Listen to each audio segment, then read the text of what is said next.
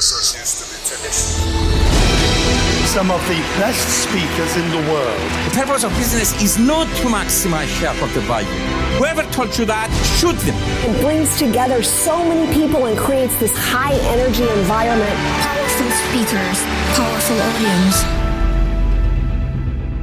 I denne samtalen skal vi bli litt bedre kjent med Cyberforsvaret og med Miles, som har et samarbeid som de har kommet hit i podkasten OBF-podden for å gi oss litt kunnskap og gi deg litt innspill til ja, smidig organisering, smidig satsing, som jeg har lært allerede ikke handler om prosjektledelse.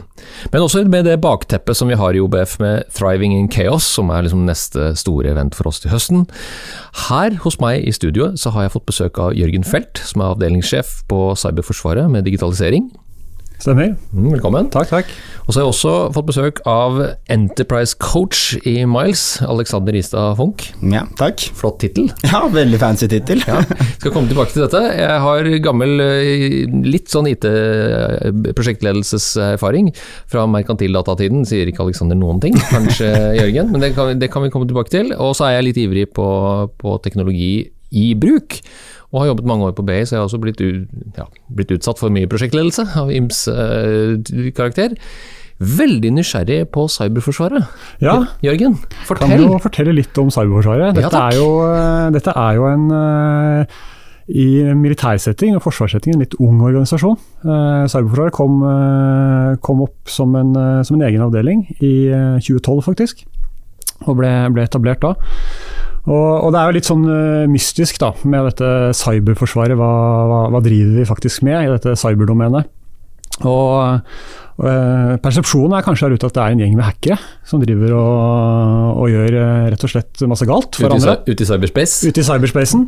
Men det er bare en liten dimensjon av det cyberforsvaret er. Så hvis vi skal se litt stort på cyberforsvaret, så er vi egentlig på eh, si, tre hovedlag, da, hvor vi står for infrastrukturen til Forsvaret sin IKT. Vi snakker om satellittkommunikasjon og nettverk. Vi snakker om eh, det vi kaller plattform. Eh, Hvor vi er ganske langt ned i den tekniske stacken. Og så har vi informasjonslaget og de brukernære tjenestene.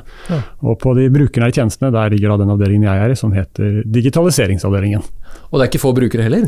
Nei, det er ikke det. Vi har 20 000 ansatte som, eh, som bruker tjenestene våre, så det er ganske stort. I tillegg så er det jo nå med eh, at uh, ugraderte tjenester, som vi kaller det, da, det å nå ut til publikum, så har vi faktisk årlig kull på borti 60 000. Og vi har 100 000 brukere på det vi kaller min side på forsvaret.no. Ja, Så det begynner da- å bli ganske stort. For da treffer du de vernepliktige og folk fra HV og alt mulig rart, ikke sant? Ja, da treffer vi fra de begynner egentlig det vi kaller sesjonsprosessen. og kommer i sin første kontakt med Forsvaret, til de da eventuelt kommer inn i Forsvaret som eh, vernepliktige. Jeg vet ikke om du kan svare meg på det, Jørgen, men kan, estimer hvor mange, mange IKT-systemer er det snakk om? Hvor mange programvarer snakker vi om? Det er, det er, et, eh, det er et stort eh, antall som vi har. Eh, også, eh, vi kan snakke om systemene, men vi kan snakke om plattformer. For Vi er på det vi kaller ugraderte plattformer, som er åpent for alle og på det store internettet. Eh, og så har vi det som er eh, lavgradert. Og så har, har vi det som heter eh, høygraderte, og de hemmelige nettene våre. Og så I tillegg så har vi det vi kaller for en ERP-plattform, altså der vi gjør vi- virksomhetsstyringen til Forsvaret, som ligger. Så det er på en måte hoved, hoveddelen, i tillegg til selvfølgelig det operative. Uh, så det er, er der vi står. Og så er det, når vi spør antall systemer eh, og, og, og den dimensjonen, så det er mange systemer. Eh, og det er en utfordring for oss. Eh, og vi ser også nå med f.eks. F-35, da, nye kampflyene, så kommer eh, det vi kaller våpensystemer. De kommer med egne plattformer, Selvfølgelig. som vi også må ta med oss videre. Kan ikke gjenbruke F-16-plattformen på pussig nok. Så, så det er mange systemer, det vokser så stort, og, og vi har, vi har en del det vi kaller kjernetjenester, altså det vi kjenner som Windows og Office og alle de tingene, og så har vi masse, masse spesialistsystemer. Tusen takk. Eh, Alexander, dette er kjempespennende, og jeg har forstått at du har vært med på dette her nå i to år. Ja, to år. Ja. Hvordan er det å være sivilist inn i dette her eh, cyberforsvarssystemplattformlogikken? Det var mange begreper i starten som jeg ikke forsto. Og da fikk jeg jo en lang liste med forkortelser og alt mulig sånt, som jeg bare måtte lære meg, om det så var FVS eller forsvarsstab eller diverse tekniske systemer. Men så er folk veldig opptatt av å ta meg imot, og det er en del gamle, er en del gamle konsulenter her som har blitt ansatt og sånt òg. Så det er et miljø for å egentlig være åpne da, for det jeg har lyst til å komme med og si, egentlig. Ja, og hva er det? Hva er det du bidrar med? Nei, Jeg jobber jo egentlig med smidig coach, enterprise coach. Det er mange fancy titler for det, men for meg så handler jo smidig egentlig om å være tilpasningsdyktig. Det er egentlig å rigge en virksomhet eller en team eller sett med teams til å evne å være tilpasningsdyktig. Da. Og i hvert fall for Cyberforsvaret, som har sine brukere, det norske folk, og skal beskytte Norge i cyberspace osv., så, videre, så er dette med å være tilpasningsdyktig ekstremt viktig. da. Det er det jeg jobber med. Så da er jeg med på å rett og slett rigge om organisasjonen på et enterprise-nivå. da. Der fikk vi det igjen. Enterprise. Business er gild. det er mange fine ord her vi kan bruke. Og slik, og slik du ser det, Jørgen, er det, er det, helt avgjørende å få eksterne konsulenter inn i den altså, endringen, eller er dette også noe man kan lære opp og gjøre selv? Det er jo et mål for oss å, å, å få uh, lært opp oss selv til dette her. Uh, det er det. Og mm. litt av, Vi snakker om coach. Og Det har vært litt av rollen til Alexander å komme inn og bringe inn noe nytt. Og være en pådriver rett og slett for, eh, for metode og, og, det faglige alibiet vårt. Da. Ja, for vi, Du var opptatt av det, og det sa jeg innledningsvis også. Dette er jo Tor, dette er ikke et prosjekt. Dette er det du beskriver som en satsing. Hva kan du legge i det, Jørgen? Ja. Eh, det er en ny måte å jobbe på. Så For oss er dette her en omlegging av arbeidsmetodikk og, og praksis egentlig vår praksis. Vi legger om den, og den, det, det, gjør vi nå som en satsing, og det forsterkes med bruk av coacher, hvor Alexander er, er en av dem. Og, og, dette er noe vi skal adoptere og jobbe med videre fremover. Så Derfor så tenker jeg at dette er en satsing, dette er ikke et prosjekt som er Det starter et sted og det slutter et sted, men dette er en måte vi skal jobbe på fremover. Men det har en slags horisont, det har en slags sluttdato, vil jeg tro? da?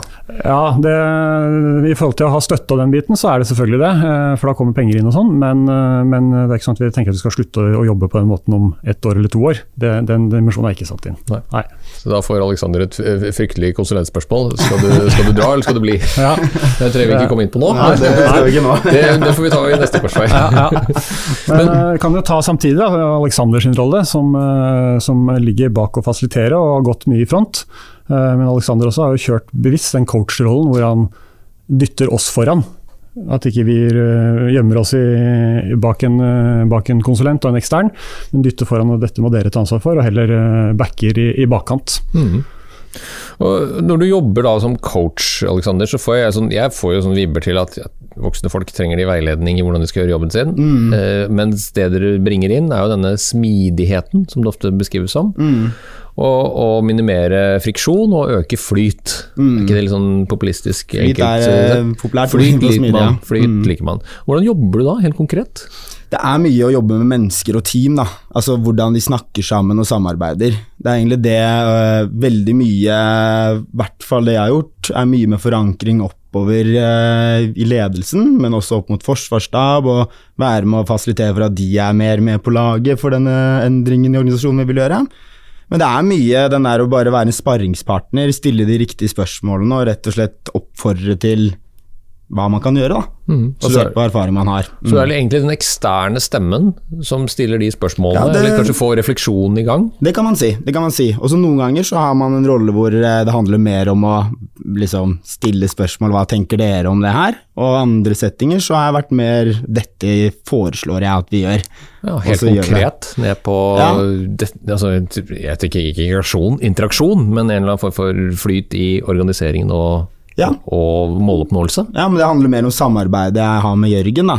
At jeg får den tilliten til å få lov til å si at jeg tror vi bare gjør det her. Mm. Og så sier Jørgen thumbs up, fordi at han stoler på at jeg har noe kunnskap om det, eller har gjort en eller annen erfaring om at det kanskje kan fungere. Da. Ja, Nå er du veldig beskjeden, for jeg vet jo at Jørgen setter veldig pris på bidraget ditt. Men hvor mm. lang tid tok det, Jørgen, før man liksom fikk den relasjonen og den tilliten mellom dere to? da? Nei, det, det, gikk egentlig ganske raskt. Eh, vi har snakka litt sammen. og klart Personkjemi har vært, vært én dimensjon, selvfølgelig. Og så er det det å ha eh, Alexander da, uttrykker en faglig trygghet for, eh, for, det han snakker om og det han prøver å få til. Det har vært en, vært en viktig, viktig, driver her. Sånn. Så det at Alexander på en måte kunne ta ansvar for faget, det var en, eh, en viktig greie da, for å ja, si, slippe det løs ja. uh, å gjøre. Og så er det selvfølgelig hvordan Alexander som en coach i organisasjonen, for dette er jo en, den rollen Alexander har spilt, er veldig utadvendt. Uh, borti fra å være nede på utviklernivå til å være på sjefsnivå. Eh, viktig. Og det å kunne snakke sammen på, på ulike nivåer i organisasjonen har vært viktig da, for å få dette her til. Jeg hørte jo dere begge to nevner dette med forankring som en av liksom, nøklene til å lykkes med det. Og, og det å, nå tenker jeg bare høyt, for jeg er jo litt usikker på hvordan det fungerer. Det å slippe inn eksterne inn opp mot leder- og beslutningsprosesser er jo ikke nødvendigvis så lett det heller. Altså, du må jo ha en viss tillit for å kunne komme opp og påvirke. Ja. Hvordan har dere gått fram der? Nei, vi- Hvis vi skal tenke forankring, da, så kan vi jo starte, starte så kan vi ta litt historikken til hvor digitaliseringsavdelingen er i dag, og hvor kommer vi fra. Gjerne. Eh, For eh, Forsvaret har jo eh, hatt en reise, eh, rett og slett, som har pågått over noen år. Og det har vært noen eksterne inne og gjort vurderinger av, av Forsvaret, hvordan fungerer IKT i Forsvaret, som nå ligger nærmest mitt daglige virke. Og hvor det har tegna seg fram et bilde at her må det, må det skje noe. Forventningene i samfunnet ellers er at går, eh, alt går raskere. Eh, Det er dreininger, og vi som mennesker er vant til type Vi snakker om Netflix, vi snakker om Spotify, vi snakker om det som skjer i Silicon Valley, og, og hvordan har på en måte dette her vokst seg fram. da. Eh, Industri 4.0 som, som det er snakk om. Så vi har hatt en del eksterne faktorer som, som ligger rundt oss. Med det så har det oppstått en del arbeid på innsiden. Eh, Vi har, eh, har ulike interne rapporter som, eh, som har blitt utarbeida, som sier noe om hvor bør Forsvaret bevege seg nå i forhold til kompetanse osv. Og vi har fått ny IKT-strategi, og det har kommet digitaliseringsstrategier. og i det hele tatt. Så vi har hatt eh, mange sånne type det, faktorer, da, interne og eksterne, som har påvirket oss. Eh, Og så eh, er jo Forsvaret da står overfor å måtte gjøre en modernisering. og og som et eh, tiltak så, så startet eh, eh, Cyberforsvaret sammen med vår naboetat Forsvarsmateriell opp et initiativ for å begynne å se på, se på et moderniseringsløp. Og, og I det løpet så, så tok da, når vi snakker om forankring oppover, så tok vår general i Cyberforsvaret tok ut en av sine avdelingsdirektører ut av den Daily Business og starta et eget kall det pilotsatsing. Og, og brukte ett år egentlig på å hente inn, eh, hente inn erfaringer. Så da var det Stian Norløf, da, som er min, eh, min sjef, som ledet det arbeidet. Og brukte ett år på å snakke med Nav, som har vært en foregangsbedrift eh, i, det offentlige på å få til dette med smidig. Snakket med eksterne konsulentselskaper, Equinor og en hel del andre aktører, og henta inn erfaringer og, og begynte å se på dette her sånn. Etter det året var eh, kjørt, og vi fant ut, lagde en rapport ut av dette og hvordan det gjøres, så ga da vår general eh, egentlig tommelen opp. Nå starter vi en pilotorganisasjon. Det var i 2021. Da startet vi pilot, digitalisering og innovasjon. Vi brukte ett år på å omstille den gamle driftsorganisasjonen for, for en del av applikasjonene til å bli digitaliseringsavdelingen. Hvor stor er avdelingen da, Jørgen? I dag er vi med faste og eksterne rundt 120 mennesker Ja. som vi er i digitaliseringsavdelingen. Så vi har snudd oss da til å bli en, en smidig organisasjon. Og der, takk, og der kommer jo inn litt den, for det vet jeg også at uh, Miles Alexander er, er jo omtalt og bejublet for organiseringen sin på, på smidig, med, med autonome team og flat struktur og daglig gleder og alle disse tingene som jo, men som, som jo er verdt å følge med på hvis man ikke har fått det med seg. så er det jo, De fleste har jo fått det med seg, men det er jo interessant å tenke den måten å gjøre det på inn i Forsvaret. For Ja. det er det de har gjort her, er det ikke det? Jo, absolutt. Ja, men jeg tror kanskje fellesfaktoren her er egentlig den her med tillit. Tillitsbasert ledelse, som er eh, kjent begrep innenfor Forsvaret òg, da. Tjenerledelse er vel også noe man bruker. Og det handler egentlig om å ha tillit til de man leder, da. Og det har vi en veldig sterk kultur for i Miles. Så når jeg da kommer inn i cyberforsvaret og merker at det er en tilsvarende kultur der, så gjør det jobben min mye lettere å tilpasse meg også, da. Så det handler egentlig om å få tillit i arbeidet man gjennomfører, som er litt sånn sentralt der, som jeg kanskje føler jeg tar med fra Miles, da. Og Er det lignende elementer? For jeg har også notert meg, ikke at jeg kan det utenat, men at det er disse tingene med sånn Man har ikke den klassiske prosjektstyringen med budsjettering og ansvar og KPI-tenkning på samme måte? Nei, man snakker om Vi bruker noe som heter beyond budgeting, da. Mm, som er litt annen eh, Nå kan jeg ikke helt i dybden på akkurat det, faktisk, men jeg liker at du utfordrer meg på det. Men vi har jo ikke budsjetter på samme måte, da, og vi følger ikke opp så hardt på regnskap. Vi sier jo Et godt eksempel er at hvis jeg mener at jeg trenger en PC, så kjøper jeg den PC-en. Det er ikke noe budsjett til det, jeg gjør det fordi jeg har tillit til at det er det som skal til for at jeg skal gjøre jobben min. Hvis jeg vil dra på system thinking-kurs, coach-kurs som jeg var i London for et par måneder siden, så gjør jeg det, for jeg mener at det er viktig for å bygge min profil. Spør ikke om lov, er, de stoler på at jeg gjør det. Men eh, jeg tror kanskje det viktigste med meg er jo verdiene. Altså, vi har to verdier, faglig autoritet og varme. Det har vi hatt siden det ble startet opp. Og det er første selskapet jeg har jobbet i hvor man virkelig fokuserer på det. da. Så det er et veldig verdidrevet selskap, da. Ergo trives jeg godt der, da. Ja, og det er jo det man prøver å få til å gjøre, da. Forstår jeg på deg, Jørgen. Så da blir jo coachen Alexander med det de jobber med i Miles, blir jo overførbart til Cyberforsvaret. Det er et bra, bra supplement inn, og, og, og en del av Vi har jo, hvis vi tenker på organiseringen, eh, som Alexander snakker om at det er en, en flatere struktur i Mars. Vi har jo også i, i uh, i eh, avdelingen jeg kommer fra, i digitaliseringsavdelingen, gått fra å være ansatt i, langt ned i organisasjonen i en faggruppe, til at du har løfta det opp til at du er ansatt bare på et avdelingsnivå. Så egentlig løfta alt sammen opp for å ha mer fleksibilitet og kunne flyte mer i organisasjonen, som egentlig er styrt på, på behovene som, som, kommer inn, da, som, uh, som det skal jobbes med. Da kommer jo et vanskelig spørsmål, selvfølgelig. Hvem er det som definerer behovene, da? Med så mange systemer og så mange brukere, og både ugraderte og ikke-graderte Altså, hjelp meg. Ja, ja altså du, du var jo inne på det allerede. Eh, brukerne, rett og slett. Det har jo vært en, vært en god dreining for oss i den reisen vi har vært på nå fra egentlig 2021 og der vi er i dag. Det er å gjøre det her det vi kaller brukernært. Eh, og det er mye av kjernen i smidigsatsing også. Det er å få sett brukeren i førersetet. På dette her sånn. For vi, vi har I digitaliseringsavdelingen så sier vi at vi, vi, det er ikke vi som skal digitalisere. Vi skal bare hjelpe forretningen med å digitalisere. Og med det så har vi sagt at eh, vi har kalt det digitaliseringsroller. Hvor, eh, hvor brukersiden vår, eh, eller det vi kaller forretningssiden da, i, i Forsvaret, må komme inn og de må ta roller i den digitaliseringsjobben som skal gjøres. Og så er vi, vi de som leverer de tekniske løsningene, eller verktøyet, som de skal bruke i sitt arbeid. Vi skal, ja, ja. Vi bruker ofte begrepet 'fortell oss hva vi, hva vi skal gjøre', så skal Ja. vi sammen komme fram til en bedre løsning. Da. I forhold til historisk sett så har jo brukeren bestilt noe, så har det gjerne tatt et år eller to, og så har man fått en eller annen leveranse. og Så har det kanskje ikke truffet helt, fordi man ikke har hatt en kommunikasjon jevnlig, eller så har verden gått videre. da. Så det er et poeng å sitte tettere med brukeren, som utviklerne vi har i eh, CDA gjør nå. da. Ja. Og så har vi jo i, i, den, i den reisen her som vi snakker om dette med brukernærhet og disse rollene, eh, så har vi jo, i, eh, vi har jo jeg vil si vi har omorganisert måten vi jobber på i forhold til vi skal si, kall det timeboxing. Altså, Vi har brutt opp året nå. Eh, vi har sagt at nå, nå deler vi opp året i, i, eh, i perioder, som, vi, som vi er kvartals, kvartalsvise. Og vi starter hvert kvartal hvor vi får inn eh, brukersiden med disse styrende rollene til å gi noen strategiske føringer og bryte opp til hva vi faktisk skal sitte og jobbe med nå de neste tre månedene. Dette er et årshjul som går, og vi har jevnlig justeringer i planene, altså fleksibiliteten. Og vi har kontroll på hva, hva skal vi gjøre, og, og hva skal vi ikke gjøre. Ja, nå blir jeg veldig forundra, for at eh, med en erfaring med brukere, og både også da som bruker selv, men også noen ganger også i, i prosjekter, den gangen det het eh, IT-prosjekter, så var det jo alltid et dilemma med hvordan man prioriterer brukere. Hvilke brukerbehov eller hvilke brukere er egentlig viktigere enn andre. For det er jo ikke sånn at man kan klare å komme fram til noe profil som vil være sånn 80-20, for da er det jo ikke noe dilemma lenger. Da gjør man jo bare det. Og det handler jo litt om eh, ja, digitale, digitale ferdigheter og ja, rett og slett hvordan systemene samhandler. og Det er så, det er så veldig intrikat. da. Klarer du å si noe generelt om det? Om, om, om smidig organisering også har med seg en, en modell for å prioritere?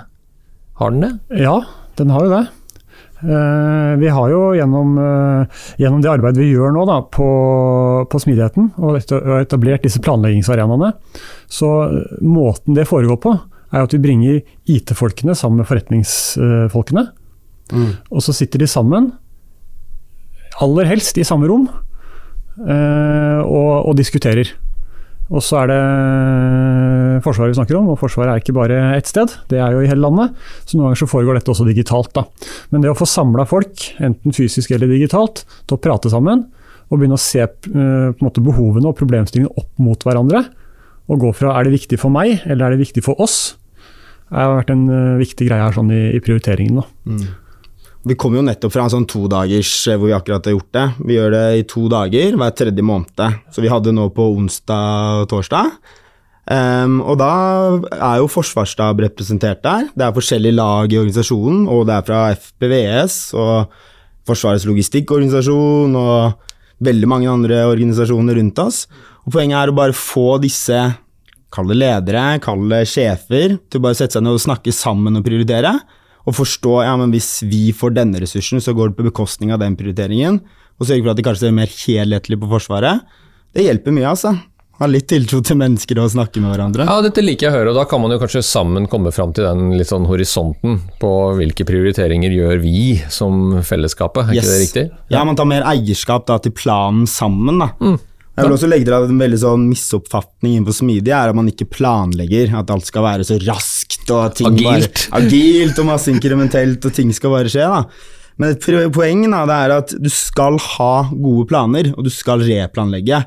Nå hadde jo du han her Frode Christoffersen. Jo, jo. jo Frode Jo. Christoffersen. Jo, jo. Ja, det var en kjempebra episode. Ja, Ja, takk, takk. kjempebra episode, det. Jo, takk, takk. Og han snakket dette om eh, jegerånd og litt sånn forskjellig, gjorde han ikke det også? Ja, det er broren, men eh, det, det er tett på. Eh, Broren ja. skrev skrevet, men poenget mitt var at han snakket om måten de planlegger og styrer på. Da. Ja. Og, ikke sant? og De er jo kjempegode på å legge planer og bruke masse tid på det. Og så får de med alle til å lage disse planene. Og Det betyr også at man har ekstremt mye mer eierskap når man først skal gjennomføre det man skal. da. Det høres så enkelt ut når Alexander snakker om det. Er, er dette, går dette seg Du har jo holdt på med det i flere år, vet Ja, jeg. ja. Hvor, hvor lang tid bru, Hvis jeg skulle begynt med dette helt på nytt, hvor lang tid bruker man Jørgen, på å få dette inn i tenkningen, i samtalen og i, og i forankringen? Nei, det tar tid. Det krever tålmodighet. Altså. Det gjør det. Og, Ja, hvor lang tid da? Nei, nå har vi holdt på, Alexander har vært med i to år og kommet ganske tidlig i den satsingen vi er i nå. Eh, og så var det et arbeid som pågikk før Alexander kom inn til oss. Så, så det, det kreves, jeg vil si at du bør ha, i, en, i hvert fall i den størrelsesorden vi er da, i organisasjonen, så vil jeg si eh, kanskje tre til fem år eh, før det er på plass. Og, og eh, vi sier jo eh, internt hos oss ja, at vi har en satsing, vi har begynt å få til ting. Og, og for et eh, halvt år, år siden så sa vi ok, vi ser, vi ser ut som sånn knøttefotballag. Og så begynner vi å se at ting begynner å funke. Og så begynner vi å si at ja, nå, okay, vi har kanskje rykka opp til gutte, guttelaget. da. Ja, folk vet stort sett sin rolle i spillet. Så det begynner å komme seg. Vi ser jo det også nå på arenaen. At nå begynner fra at vi lurer på da, når vi driver denne planleggingen, hvordan skal vi bruke dette nye verktøyet, så endrer det seg mer til hvordan skal innholdet i det vi faktisk har i verktøyet, uttrykkes og brukes. Vakkert, og fin metafor. Og Ja. i hvilken eh, eh, altså, rolle har coachen i denne fotballanalogien til Jørgen? da? ikke sant? Er du Det ikke libero, typisk, eh, eller er du på sidelinjen, eller er du inne og spiller? vet ikke, jeg. noe, jeg vet ikke hvordan man skal si det. Mm. Her skal jeg hjelpe Alexander litt. For vi har coachen, som er den ene som er viktig. Eh, og, og så har vi altså for at Alexander var inne på det. eh, smidighet og agilitet er jo ikke en hjemme alene-fest. Det handler egentlig om kontinuitet og kvalitet i leveranser. å Få til det. Og så har vi satsa på det vi kaller arkitektur, da, som skal skape rammer. Så vi har, vi har bygd opp en arkitekturmuskel som driver og, og former seg. Og så, og så sier vi at disse som er arkitekter og de som skaper disse rammene, være seg arkitekter og coachen, så er de spillende trenere. Den er god. Og det er et eh, uttrykk vi er ganske fornøyd med Ja, å ha lagd. Så de må være med på banen. Mm. De kan ikke bare sitte på sidelinja eller sitte på tribunen og mene. De må være ute på banen og være med å forme spillet. Og nå, den, den er veldig god. Og nå i starten så har vi jobbet veldig Eller da vi startet med det, jobbet veldig mye å sette rammer. Dette er verktøy vi skal jobbe i, dette er måter vi skal jobbe på, vi skal gjøre disse og disse planleggingsøktene osv. Men desto mer erfaring vi nå har bygget opp, og folk blir flinkere og flinkere, ikke sant? så fjerner vi litt av disse rammene. da. Altså rett og slett fjerne rammeverket mer og mer. Og la folk jobbe litt mer selvstendig, ta de valgene de vil ha. da. Men viktig prinsipp her er at vi alltid peker en retning vi skal. da. Det skal alltid være forankret i en eller annen strategisk føring eller prioritering. Og det er vi veldig nøye på å synliggjøre hele tiden. da. Ja. Det har vært en viktig greie i, eh, i cyberforsvaret når vi har satsa nå. Eh, For historisk da, så kom vi fra det som het i sin tid ITIL. Eh, Så var det en satsing som het nå skal vi implementere ITIL. Og da skulle vi liksom følge boka, og alt skulle være sånn som det sto i boka, hvis vi, hvis vi skal dra det litt langt. Nå har vi satt oss på andre siden og så har vi sagt at nå skal vi la oss inspirere av metodeverk.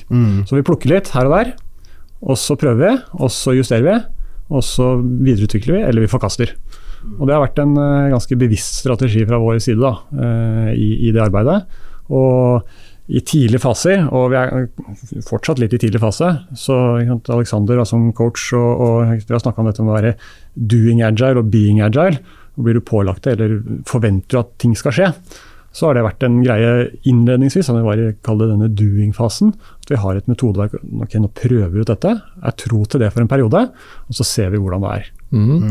Dette høres jo veldig moderne ut, og jeg blir jo veldig glad og, og syns at dette er helt supert. Men så vet jeg samtidig også at uh, i IT, eller i verktøy og software og systemer og mer eller mindre i skyen, mer eller mindre samhandlende, er jo en, en daglig pine hos de fleste ansatte. Og det er de færreste som får lov til å gjøre de gøyale tingene dere gjør. De aller fleste må forholde seg til Eh, velmenende ambisjoner om å gjøre ting mer smidig. Eh, og Det er ikke alltid det, det ja, er en, en, helt åpenbar effektivitetsgevinst for meg da, som bruker. Og da går det litt på tverke, og jeg kan bli litt sur, og, og du kan til og med merke motstand. Mm. Og jeg vil bli veldig overrasket hvis ikke det er motstand ute blant brukerne i disse store systemene. Du trenger ikke si hva, men det jeg lurer på, hva gjør dere når du møter den motstanden? Mm. Vi, er, eh, vi, er, jo ute om, om, å fortelle, rett og slett. Det handler mye om. Eh, og hvorfor? Hvorfor, jeg, ja. hvorfor er det sånn som det er? Eh, som er én del. Og så er det jo motstand. Vi kan jo se på motstand også på, på endringsreisen som vi er på. og vi skal ha med folkene i dette her sånn. Og, og, det er jo da ut og fortelle om hvor, hvorfor gjør vi det. Hva skal vi prøve å få til? Hva trenger vi av dere? Hva skal vi bidra med? Å være ute og fortelle, fortelle den historien. Det har uh, vært en viktig greie. og Vi er ute og, og holder ulike kall det briefer. da, uh, som er Med et snev av kurs. da, Eh, liksom, få en forståelse for det vi driver med, det er, det er en viktig, viktig, greie. Kan det hende at i Forsvaret, blant de ansatte, så er det også en viss forståelse av beordring og, og ovenfra og ned? Ja. Som det er litt mer eh, lojalitet at det kommer et nytt eh, direktiv. Ja. Eh, så kan det hende at det er litt lettere, men, men, det vil fortsatt være motstand? Det vil fortsatt være motstand. For vil like, folk vil jo som regel ikke like å gjøre noe annerledes. Nei, ja, Man liker jo ikke endring. Nei. Det er veldig naturlig, det. Men vi har erfart at det å være tålmodig med det, da. Altså, jeg og Jørgen har f.eks. gått ut og sagt nå skal vi gjøre det på denne måten, og så går det et par måneder, og så og er det ingen som har fått med seg at vi skal gjøre det på denne måten her? Og da er det noe med dette bare i små drypp hele tiden, sakte, men sikkert gjøre de forbedringene eller endringene vi skal gjøre, da. Og ikke gjøre for store jafs, egentlig, har vært en strategi vi har jobbet mye med, da. Ja, så er det jo Hvis vi ser på Vi kan snakke om motstand i systemet, altså det tekniske i systemet, som, som en dimensjon. Uh, og Der er det jo et arbeid som, som gjøres hele tiden, med, særlig med ERP-systemet, altså kjernesystemet i Forsvaret, som treffer alle brukerne, egentlig, eller de ansatte, 20 000. Mm. Uh, hvor det er en stor satsing på å forbedre egentlig det du ser på skjermen. For digitalisering handler jo egentlig om menneske og interaksjon med skjermen. Så der satses det, satses det rett og slett mye. Å gjøre det mer brukervennlig og gå fra å være et transaksjonsbasert system til å bli mer et prosessledet system. Som er en, er en satsing som vi er på tur inn i nå. Da. Men hvis vi tenker på motstand i det å drive endring og endre vår praksis, så tenker jeg hvis vi går litt sånn tilbake til jeg om pilot for innovasjon og digitalisering, som, som vi starta med, og, og, det arbeidet der sånn, og det samarbeidet vi hadde med Forsvarets personell- og vernepliktssenter, som også har vært en sterk pådriver i, i digitaliseringsarbeidet og, og, dette med smidigsatsing i Forsvaret, så gikk vi jo sammen med de og starta i det små. Og begynte å prøve ut ny arbeidsmetodikk, og begynte egentlig å lage litt historier om det. Uh, og, og, da, og, da, begynner du på en måte å Litt sånn Google-modellen. De kom jo så mekka opp noe i garasjen. Siktet til å funke, presenterte et produkt som funka til investorene. Og jeg tenker Litt på samme måten er det her. da, Vi begynte å bygge det små, og begynte å få en metodikk som funka. Og så kjørte vi første gangen uh, dette her sånn, med bare da vernepliktssenteret. Og så begynte vi å bygge på med alle de andre kundene våre, med Forsvarets logistikkorganisasjon, Forsvarets materiell, Forsvarsstaben osv. Mm. Og da fra å være med én, så er vi nå på sju-åtte forretningsområder som vi jobber sammen med. Mm. Så en, kall det en organisk vekst, egentlig. Start i det små, hent erfaringer, bevis at det funker så blir folk med, rett og slett. Og, og det, takk, og det, det, tar jo litt brodden av min litt sånn gammelmannsfrustrasjon over å bli møtt med Og jeg har møtt et par sånne eh, velmenende konsulenter som har kommet for å hente informasjon, og så opplever jeg at den informasjonen den takker de veldig høflig for, men de bruker det aldri til noe som helst. For at de har en sånn systemtenkning at de har allerede solgt inn det de hadde tenkt. Eh, mm. Og da blir den informasjonen bare enten en bekreftelse eller bare sånn putta i en skuff, og så spiller det ikke så mye rolle. For den der systemlogikken og systemtroen jeg har jo den slagsiden at den, den er med på å definere min, det, min arbeidsplass og min, det jeg skal gjøre. Grunnen til at jeg tar det opp gang på gang, faktisk, er for at hvis du er en lojal ansatt Nå viser det seg faktisk at det er færre og færre som er lojale. De fleste er mer illojale enn lojale. Så vil du jo helst ende opp med å jobbe litt mindre. Jo lenger du kommer ut i erfaringsløpet og lærer. Men det jeg hører også, er at mange opplever stor frustrasjon for det hele tiden legges til nye ting. Og at du må lære deg noe nytt, du må begynne å jobbe annerledes. Og det er fint når man er ung og ny. Ja. Eh, Men hvis man har litt erfaring, du og jeg har jo litt erfaring, vi vet jo at en god del ting vi gjorde for 10-12-15 år siden som var vel så effektivt som det vi driver med nå. Ja. Hvorfor blir det sånn? Jeg tror jo at det er et, i bunn og grunn, da, et behov for å gjøre endring. Det er, en, eh, det er en frustrasjon i det, men det er også en liten forfriskning i det. Eh, og som ligger der sånn, og, og du bruker jo dette med å være lojal. Da. Eh, og det, det er altså, Eirik, vår, vår sjef, Eirik Kristoffersen, han har skrevet en bok om jegerånden, som, som Alexander nevnte her i stad. Og, og der bruker han eh, et begrep om sine ansatte. At han oppfordrer dem til å være lojale, men ikke lydig. Og med lydig så tenker jeg på at du hører på det sjefen sier, og bare gjør det ukritisk. Men lojal så mener jeg å utfordre. Og det, i den smidigsatsingen som vi gjør nå, da, så mener jeg dette med å utfordre har kommet eh, tydeligere på banen. Vi kjører eh, egentlig i en strukturert form tilbakemeldingsseanser, det som på moderne språk kalles da retrospektivs, eh, hvor vi får tilbakemeldinger og kan gjøre noe med det. Enten på teamnivå i produktteamene som, som jobber med å levere, eller at vi løfter opp i han snakker om enterprise, sant? opp i ledelsesnivå på et større nivå, og kan begynne å tune, tune der sånn. Så ja, det er motstand, men bruk motstand til noe konstruktivt. Ja, Det syns jeg dere har svart veldig godt på. og den der, synes jeg tips til alle sammen. Den tålmodigheten det krever, den vet vi jo. og det er mye, bedre- man kan jo spise en hel elefant hvis man tar bare en liten bit om gangen. Ja. og bruker lang tid. tid. Så, men det, det vi også tenkte å utfordre litt på, hvis, hvis vi skal prøve å knagge det rundt eh, noen råd, da, altså noen type tips eller triks, eller helt konkret hva, hva bør man gjøre? Og Jeg vet jo også at dere snakker med andre organisasjoner og bedrifter som jobber med smidig. Dette er jo det veldig bra det dere gjør, men dere er jo ikke alene om det. Hva er, hva er det man liksom må sjekke av? Er det tre eller fire ting man bør sjekke av? Alexander, skal vi prøve? Ja, jeg, jeg kan i hvert fall starte med en. Og jeg mener jo, Det har vi touchet mye på, men det er jo dette med planlegging og prioritering. Det er veldig veldig viktig for å få til en god, smidig transformasjon. da. Det er ikke under, uh, underestimate, det engelske ordet. Eh, det å faktisk sette seg ned og legge planer på kort tidshorisont, det, det er viktig. da. Og Det gjør vi hver tredje måned, og det gjør at vi evner mye mer å rette kurs da, om noe dukker opp, enten teknologisk, sykdom, eller om et eller annet eh, skulle skje som gjør at vi må endre fokus. da. Så det er planlegging og involvering Yes! i en ja. egentlig seanse. Ja.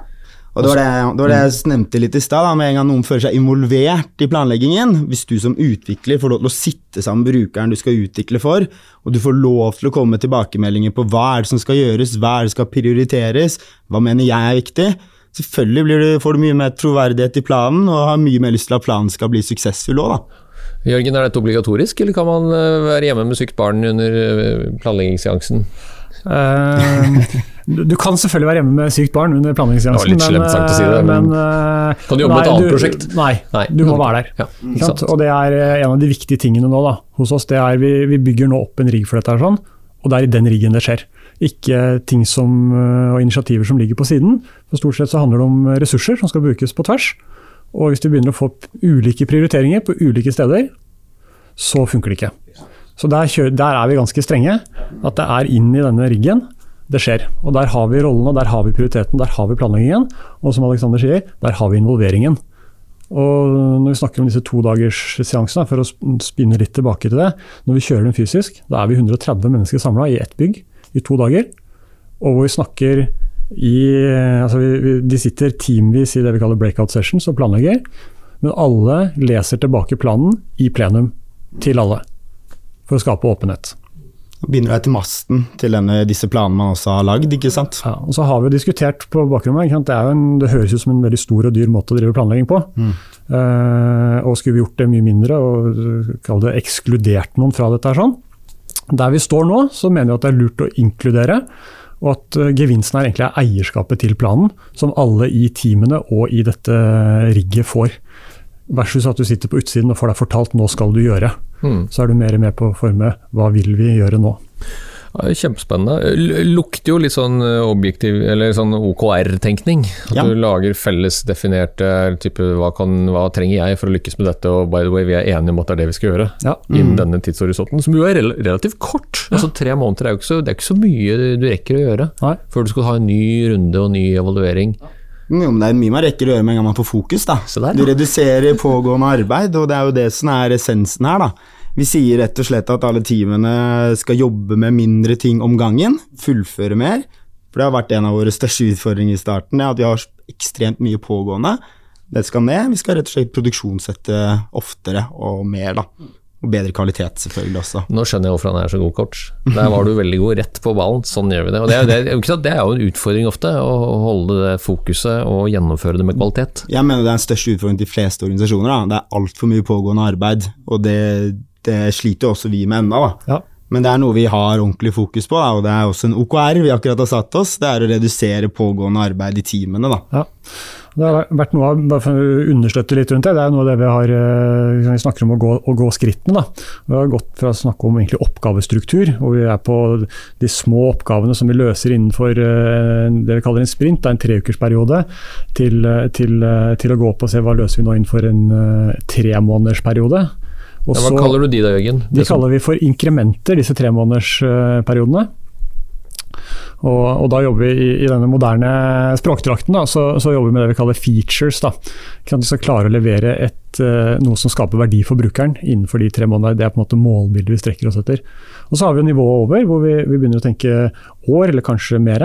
Og vi egentlig snakker om mer eh, epiker og mer de strategiske føringene som skal landes. Systemisk endring. Ja, Ikke sant? Systemisk endring. Uh, og så har vi begynt nå å flørte litt da med dette OKR, eller Objectives Key Result.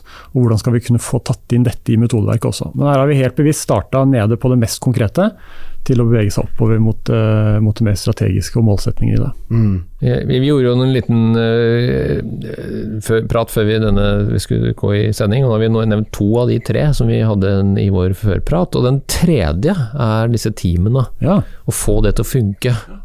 Fortell litt om det. Selvgående team snakker dere om Ja. varmt. ja det snakker vi om. Ja. Det har vært, jeg kan jo begynne litt der sånn. For Vi kommer jo fra et sted, og, og dette med den gamle riggen som vi hadde med IT, det var typisk eh, Hvis vi ser hvordan produksjonen gikk da, så hadde vi masse overleveringer mellom eh, mennesker og organisasjonsenheter. Og det var ulike beslutningsorganer som skulle, skulle beslutte disse endringene. Så har vi nå tatt, uh, tatt og samlet kompetansen inn i team, og satt beslutninger inn i team. Ja, så disse tremånedersplanene vi snakker om, og, og den strukturen, da har de fått klarlagt her er alle beslutningene gjort. Nå er det tre måneder med arbeid, og ikke tre måneder med koordinering og avklaringer. Så har vi gjort avklaringen på forhånd, begynn å jobbe. Ja, jeg synes det er viktig å legge til her, da, for at et team skal være autonomt, så er det viktig med en god ledelse òg. Altså, du skal ikke bare gjøre hva du vil, det skal være en leder som setter rammen og peker i en eller annen retning. Vi skal til den fjelltoppen eller et eller annet sånt. da. Og det er, veldig, det er veldig viktig inn mot disse planleggingsøktene vi har. Da kommer Forsvarsstaben inn, eller ja, toppbrukere, da, og så presenterer de sine viktigste prioriteringer på ett, to, tre, fire, fem år. Og Det gjør jo at man som team forstår mye mer. Denne lille arbeidsoppgaven jeg jobber med i dag, det er en sammenheng helt i denne store greia vi skal levere om tre-fire år. da. Det skaper autonomitet, rett og slett. Så- det er viktig. I det så er det også, Når du tar opp det, så er det jo det heter tight, loose, tight. Da, eller eh, tillitsbasert ledelse, eller oppdragsbasert ledelse. Det er kjært barn mange navn. Men det å, å kunne, fra ledelsens eh, perspektiv, da, gi strategisk føringer og retninger, eh, hvor det er på en måte den tighte delen, og sier noe om hva som skal prioriteres. Og så har vi delen i midten som handler om produksjonen og få det fram, som er hvordan. Den er jo lus. der er det opp til teama, og der sitter fagfolka. De vet best hvordan de skal løse det. Og så blir det oss ledere som igjen må følge opp at vi faktisk har det vi trenger for å komme til det vi ønsker oss. Ja. Og er en- riktig kurs òg. Ikke sant? At vi holder oss på kursen. Jeg skjønner jo godt at dere har en eh, god altså tillit til hverandre og god relasjon, for dette er jo som å snakke med et tohodet troll. Altså det, er jo, det er ingen diskusjon i det hele tatt her, og det er jo kjempefint. Og det er jo, det er jo noe læring i det for deg som har hørt på, håper jeg. Hvis jeg skal prøve meg å oppsummere, og nå må dere hjelpe meg, mine herrer, det er da i hvert fall forankre det. Det starter, eller i hvert fall fortsetter vel med forankring. Toppledelse og styrerom har jo også en tendens til å være litt dynamiske innimellom, så må vi jo kontinuerlig holde på med dette her. Og så er det dette med, med den åpenbare riggen rundt det. Altså man får til et eller annet systemisk eh, opplegg med prioritering. Dere har jo valgt å kjøre tre måneders sykluser for involvering og prioritering. Det burde jo alle kunne klare. Mm. Om det innebærer fysiske samlinger for 130 pers i to dager, det er jo ikke sikkert alle trenger eller skal. Mm. Men det gjør, gjør, de i Cyberforsvaret. Og så er det dette med oppgavestruktur, som jeg, jeg kjente på at uh, den er litt interessant å, å, å, prøve å knekke litt ned i, for alle virksomheter. Både være bevisste. Selvgående team, ja vi har hørt om det. Vi har hørt om tight, loose, tight, og så vet vi at der treffer vi også enkeltindividers persepsjon, persepsjoner og ideer om hvordan man selv leder. Som jo gjerne ofte er helt annerledes enn det man tror. Ja. Eh, man tror kanskje at man eh, inngir tillit og alt mulig rart, men man er en micromanager fordi at man bare har lyst til at det skal være gjort, fordi at man har lyst til at man skal se bra ut mm. når det skal rapporteres oppover. Så det er en kontinuerlig jobb.